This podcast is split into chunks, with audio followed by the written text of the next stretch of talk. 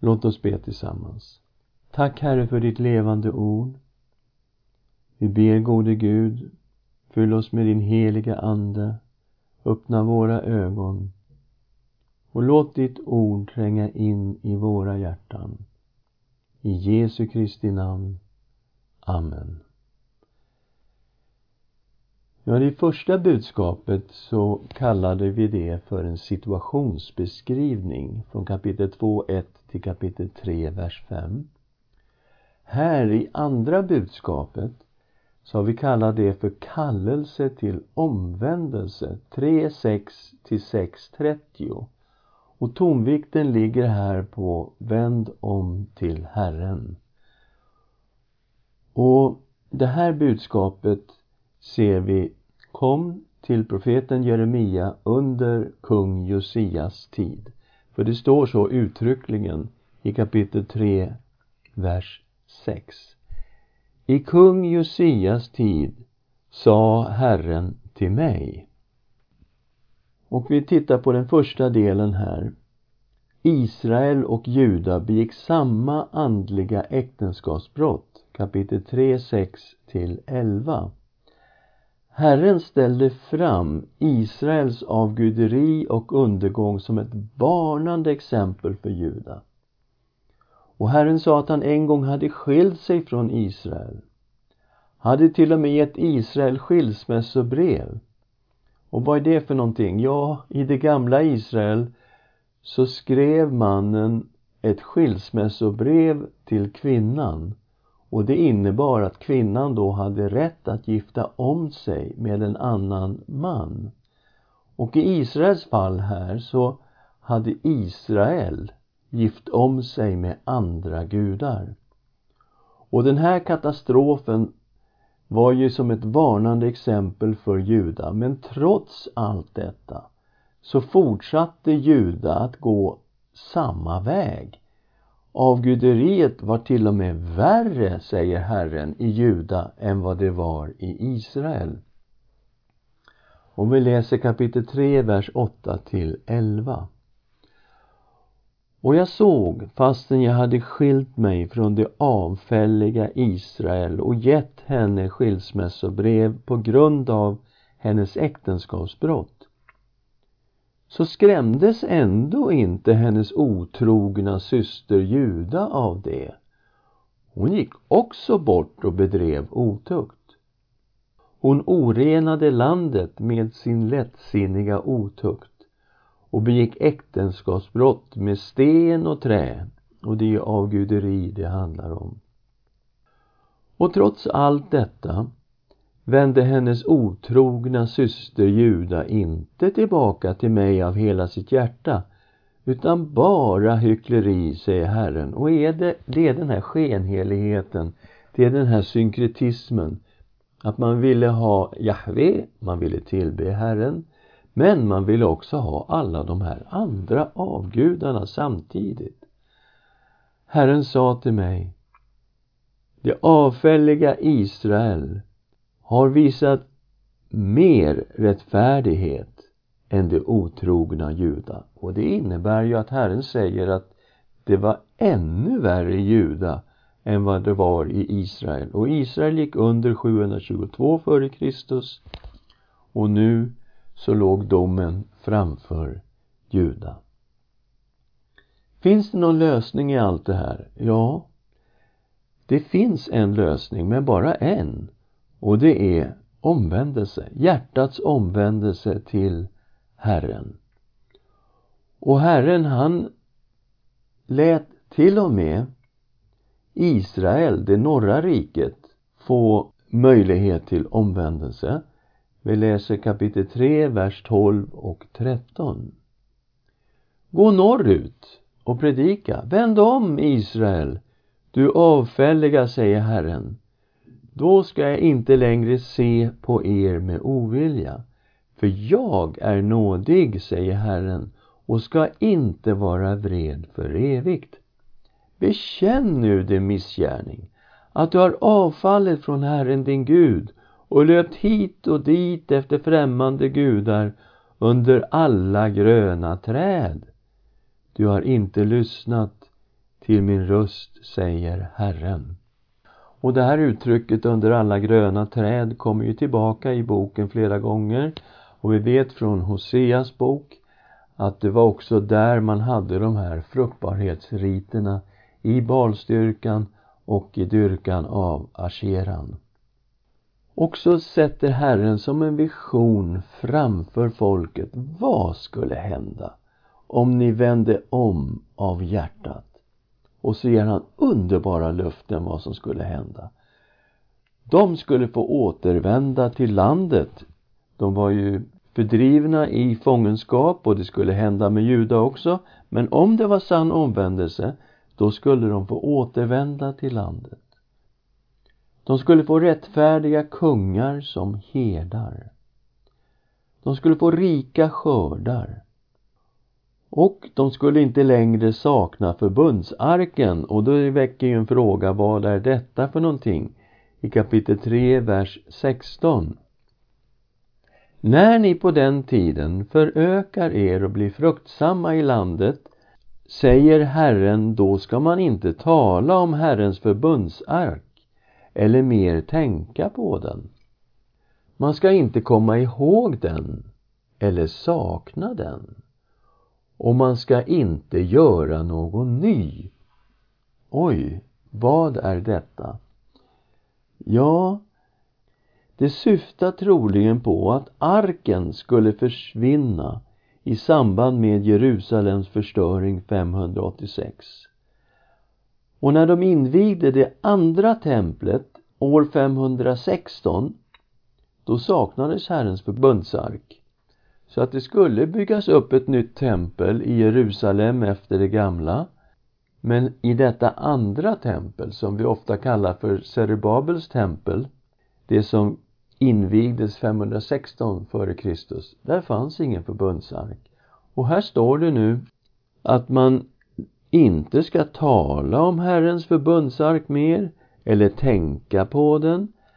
Man ska inte komma ihåg den eller sakna den och man ska inte göra någon ny.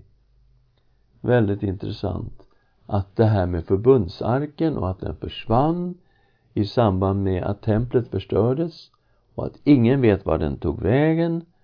Men det kommer att bli en sån välsignelse att man inte ens kommer att sakna förbundsarken och man kommer inte att göra någon ny. Och så får vi lära oss att hedna folken skulle komma och tillbe inför Herren, vers 17. På den tiden ska man kalla Jerusalem Herrens tron och alla hedna folk ska samlas där för att ära Herrens namn i Jerusalem och det ska inte mer följa sina onda och hårda hjärtan. Okej, okay, så hedna folken ska omvända sig till Herren en dag och komma till Jerusalem och tillbe Herren. Det här är ju väldigt likt det som vi läste om i Jesajas bok kapitel 2, vers 2 till 5 där det handlar om vad som ska ske i den yttersta tiden. Det ska ske i den yttersta tiden att berget med Herrens hus ska stå fast grundat och vara högst bland bergen, upphöjt över höjderna. Alla hedna folk ska strömma dit. Många folk ska gå iväg och säga kom, låt oss gå upp till Herrens berg, till Jakobs Guds hus. Han ska lära oss sina vägar så att vi kan vandra på hans stigar.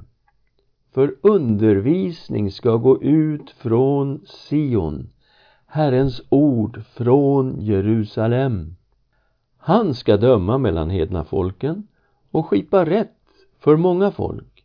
Då ska de smida sina svärd till plogbillar och sina spjut till vingårdsknivar. Folk ska inte lyfta svärd mot folk och inte mer öva för krig. Kom ni Jakobs släkt, låt oss vandra i Herrens ljus. Och också här i Jesaja bok så är ju det här som en vision av någonting som ska ske i framtiden. Och i slutet av Jesajas bok så har vi flera profetier om det nya Jerusalem som ligger i framtiden. Och vi såg när vi studerade Jesajas bok att det som står där om det nya Jerusalem, det är uppfyllt i Uppenbarelseboken kapitel 21 där vi har det himmelska Jerusalem som är Lammets hustru och som kommer ner från himlen smyckad som en brud. Där har vi parallellerna med det nya Jerusalem. Så vi talar här om någonting som har gått i uppfyllelse i Jesus Kristus och som ligger i framtiden. Vi får en bild här av att Jerusalem ska vara som ett centrum, det yppersta av alla bergen på jorden, det högsta bland bergen, naturligtvis inte högst så, utan det viktigaste av bergen. Alla hedna folk ska strömma dit och säga kom, låt oss gå upp till Jerusalem, låt oss gå till Herrens berg och låt oss gå till Jakobs Guds hus. Och han, Jakobs Gud, Israels Gud, ska lära oss sina vägar. För undervisning ska gå ut från Sion, Herrens ord från Jerusalem. Och när vi tittar på det här utifrån Nya Testamentet då ser vi ju att Herrens ord gick ut från Jerusalem. I Apostlagärningarna 1 och 8 så talar Herren till sina lärjungar före himmelsfärden. När den heliga Ande kommer över er ska ni få kraft och bli mina vittnen i Jerusalem och Judeen och Samarien och till jordens yttersta gräns. Ja, Herrens ord skulle gå ut ifrån Jerusalem till hedna folken. Det här skulle skapa ett fredsrike. Folk skulle inte lyfta svärd mot folk och inte mer öva för krig. Istället skulle man smida om sina vapen till plogbillar och till vingårdsknivar. Och det skulle vara fred, det skulle vara shalom.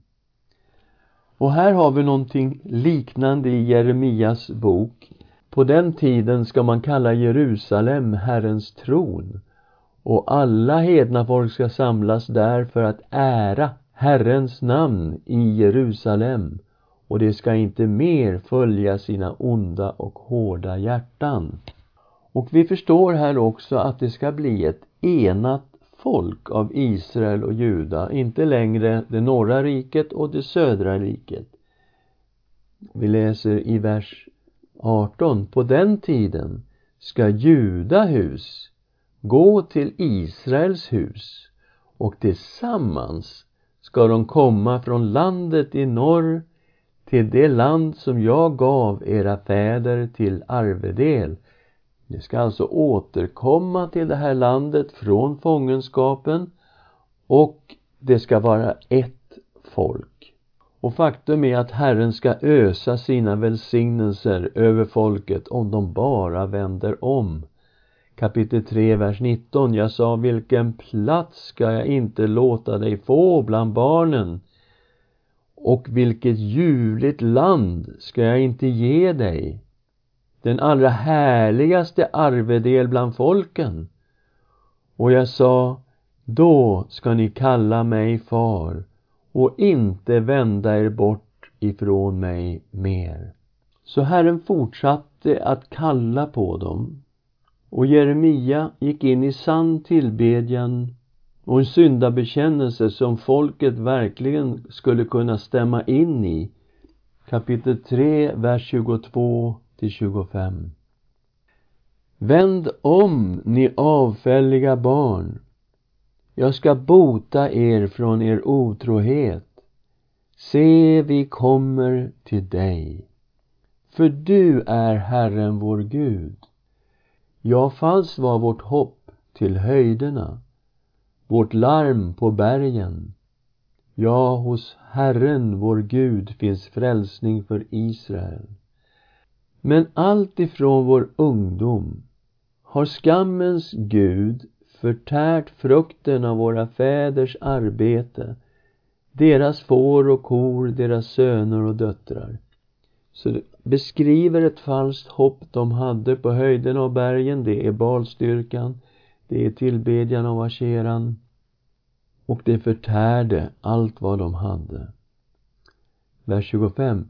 Låt oss nu ligga här i vår skam och låt vanära täcka oss för vi har syndat mot Herren vår Gud, vi och våra fäder, från vår ungdom ända till idag. Vi har inte lyssnat till Herren vår Guds röst. Herren uppmanade dem att omskära sina hjärtan i sann omvändelse. Och det här är någonting som vi möter i kapitel 4, vers 4. Omskär er för Herren. Ta bort ert hjärtas förhud, ni judamän och Jerusalems invånare. Annars ska min vrede bryta fram som en eld och brinna så att ingen kan släcka för era onda gärningars skull. Så detta med hjärtats omvändelse, att skära bort hjärtats förhud. Det är en tanke som kommer först fram i femte Mosebok kapitel 10, vers 16. Omskär därför ert hjärtas förhud och var inte längre hårdnackade. Så detta med ett omskuret hjärta står för lydnad kan man säga. Och vi läser Jeremia kapitel 9 och 25.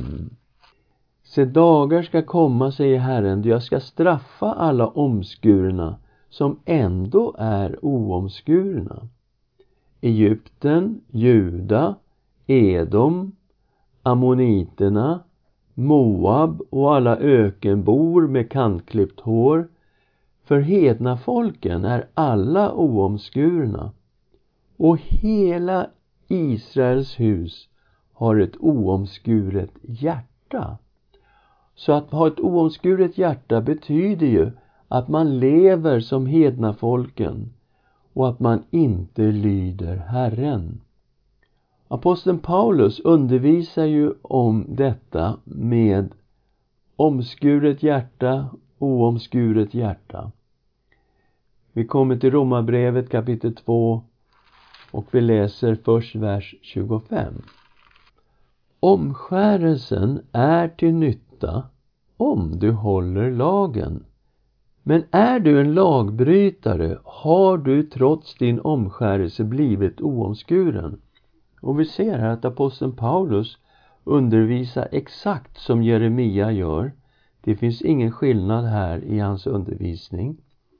Och så drar han slutsatser från detta 28 och 29 i Romarbrevet 2. Jude är man ju inte till det yttre. Inte heller är omskärelsen något yttre på kroppen. Jude är man i sitt inre och hjärtats omskärelse sker genom anden och inte genom bokstaven då får man sitt beröm inte av människor utan av Gud. Så det är så att det är den helige Ande som gör att människor får omskurna hjärtan. Och i den kristna tron så är det kopplat direkt till pånyttfödelse i den heliga Ande. Att vi har den heliga Ande som bor i oss, uppfylld av Guds Ande, följer vi Herren och det är det som är, det innebär att ha ett omskuret hjärta i Nya Testamentet. Till exempel i Filipperbrevet 3, 1-3. För övrigt, mina bröder, gläder i Herren. För mig är det inte besvär att skriva samma sak till er igen, och för er är det tryggare. Se upp för hundarna. Se upp för de onda arbetarna. Se upp för de sönderskurna. Det är vi som är de omskurna. Vi som tjänar Gud genom hans ande och har vår ära i Kristus Jesus och inte förlitar oss på det yttre. Så Paulus vill säga att den sanna omskärelsen, det är den som finns i Kristus. Och det är direkt kopplat till den heliga Ande och att vi har vår ära i Jesus Kristus. Då har vi omskurna hjärtan och tjänar Gud på det sätt som Herren vill att vi ska göra med omskurna hjärtan. Och utan omvändelse, ja, då väntar Guds dom. Kapitel 4 i Jeremia, vers 5 till 18. Och vi ser här hur Herren varnar för en brutal invasion av hela Juda. Babels kommande invasion beskrevs i detalj här. Men kallelsen till till omvändelse fanns hela tiden kvar. Möjligheten för Juda att vända om. Kapitel 4, 14. Tvätta ondskan från ditt hjärta, Jerusalem, så blir du räddad. Hur länge ska onda tankar bo i ditt bröst? Så här fanns möjligheten att vända om till Herren. Det är det enda som skulle få domen att vika undan. Annars skulle Herrens dom komma. När Jeremia profeterade så var det inte bara ett budskap som han bar fram. Han upplevde budskapet inom sig. Han upplevde ödeläggelsen i sitt inre. Vi läser kapitel 4, vers 19 till 26. O, mitt inre, mitt inre. Jag vrider mig av smärta i mitt hjärtas djup. Mitt hjärta klagar i mig. Jag kan inte tiga, för min själ har hört hornstötar och stridsrop. Katastrof och katastrof ropas ut. Hela landet läggs öde. Plötsligt blir mina tält förstörda. På ett ögonblick mina tältdukar. Hur länge ska jag se stridsbaneret och höra hornstötarna? Mitt folk är dåraktigt. De känner mig inte. De är oförnuftiga barn och förstår ingenting. De är skickliga på att göra ont, men de förstår inte att göra gott. Jag såg på jorden och den var öde och tom. Upp mot himlen och där fanns inget ljus. Jag såg på bergen och de bävade och alla höjder vacklade. Jag såg mig om och där fanns ingen människa. Himlens fåglar hade flytt. Jag såg mig om och det bördiga landet var en öken. Alla dess städer var ödelagda inför Herrens ansikte för hans brinnande vrede. Så Jeremia bar fram de här visionerna, det här budskapet men hans inre våndades av smärta. Han upplevde själv vad det var han talade om. Och hela Juda skulle bli en enda ödemark. Ödeläggelsen var total. Vi läser vers 27. För så säger Herren. Hela landet ska bli en ödemark. Men jag ska inte göra slut på det helt. Och det är det här glimten av hopp som finns att en dag efter fångenskapen kommer en dag när man ska få återvända till landet, kommer en dag när man ska få bygga upp Jerusalem. Och längre fram har vi detta med det nya förbundet som vi vet blev uppfyllt i Jesus Kristus. Det fanns ingen trohet mot Herren, kapitel 5, 1-31. Profeten uppmanades att undersöka om det fanns någon i Jerusalem som var trogen Herren. Om det fanns någon troende kvarleva i den här staden, då skulle den ha räddats. Kapitel 5, 1 Gå runt på gatorna i Jerusalem och lägg märke till vad ni ser. Sök på torgen om ni finner någon, om det finns någon enda som gör rätt och frågar efter trohet. Då ska jag förlåta staden. Och vilket löfte Gud har. Finns det någon kvarleva här? Finns det några människor här som vill följa Herren? Och vi mötte det här faktiskt i Jesajas tid. Därför att i Jesajas tid fanns det en troende kvarleva i Jerusalem. Vi mötte den redan i kapitel 1, vers 9 i Jesajas bok. Hade inte Herren Sebaot lämnat kvar en liten rest åt oss, då hade vi blivit som Sodom, vi hade liknat Gomorra.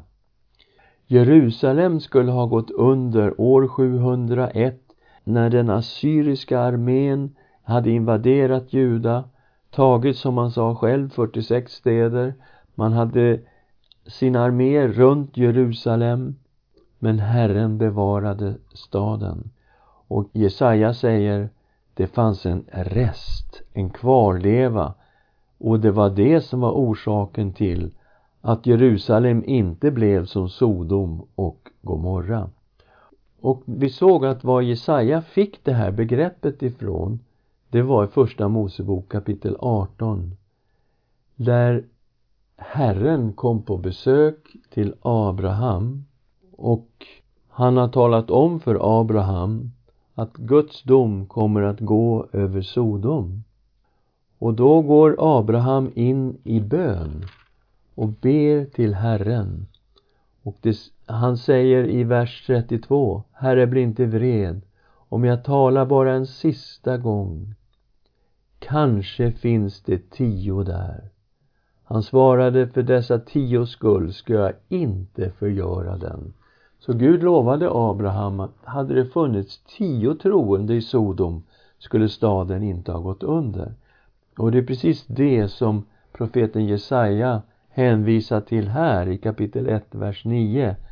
Hade inte Herren Sebaot lämnat kvar en liten rest åt oss, då skulle vi blivit som Sodom. Vi hade liknat Gomorra.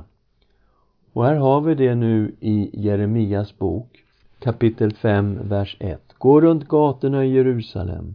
Lägg märke till vad ni ser. Sök på torgen om ni finner någon. Om det finns någon enda som gör rätt och frågar efter trohet, då ska jag förlåta staden. Men det fanns ingen trohet. Först var Jeremia bland folket, han såg, nej, det finns ingen trohet här. Då tänkte han, ja men jag går till ledarskapet, de som är viktiga och bestämmer, kapitel 5, vers 5. Nu går jag till de stora och talar med dem. De måste ju känna Herrens väg för sin Guds domslut. Men också de har brutit sönder oket och slitit av banden. Synden skulle leda till straff kapitel 5, vers 6. Därför ska lejonet från skogen slå dem och steppvargen slita sönder dem. Leoparden ska lura vid deras städer och alla som går ut ska rivas ihjäl för deras brott är många och deras avfall svåra. Varför skulle jag förlåta dig? Dina barn har övergett mig och svurit vid gudar som inte finns. Jag gav dem fullt upp av allt, men de var otrogna och samlades i skaror vid horhusen. De liknar välnärda, brunstiga hingstar. Var och en gnäggar efter sin nästas hustru.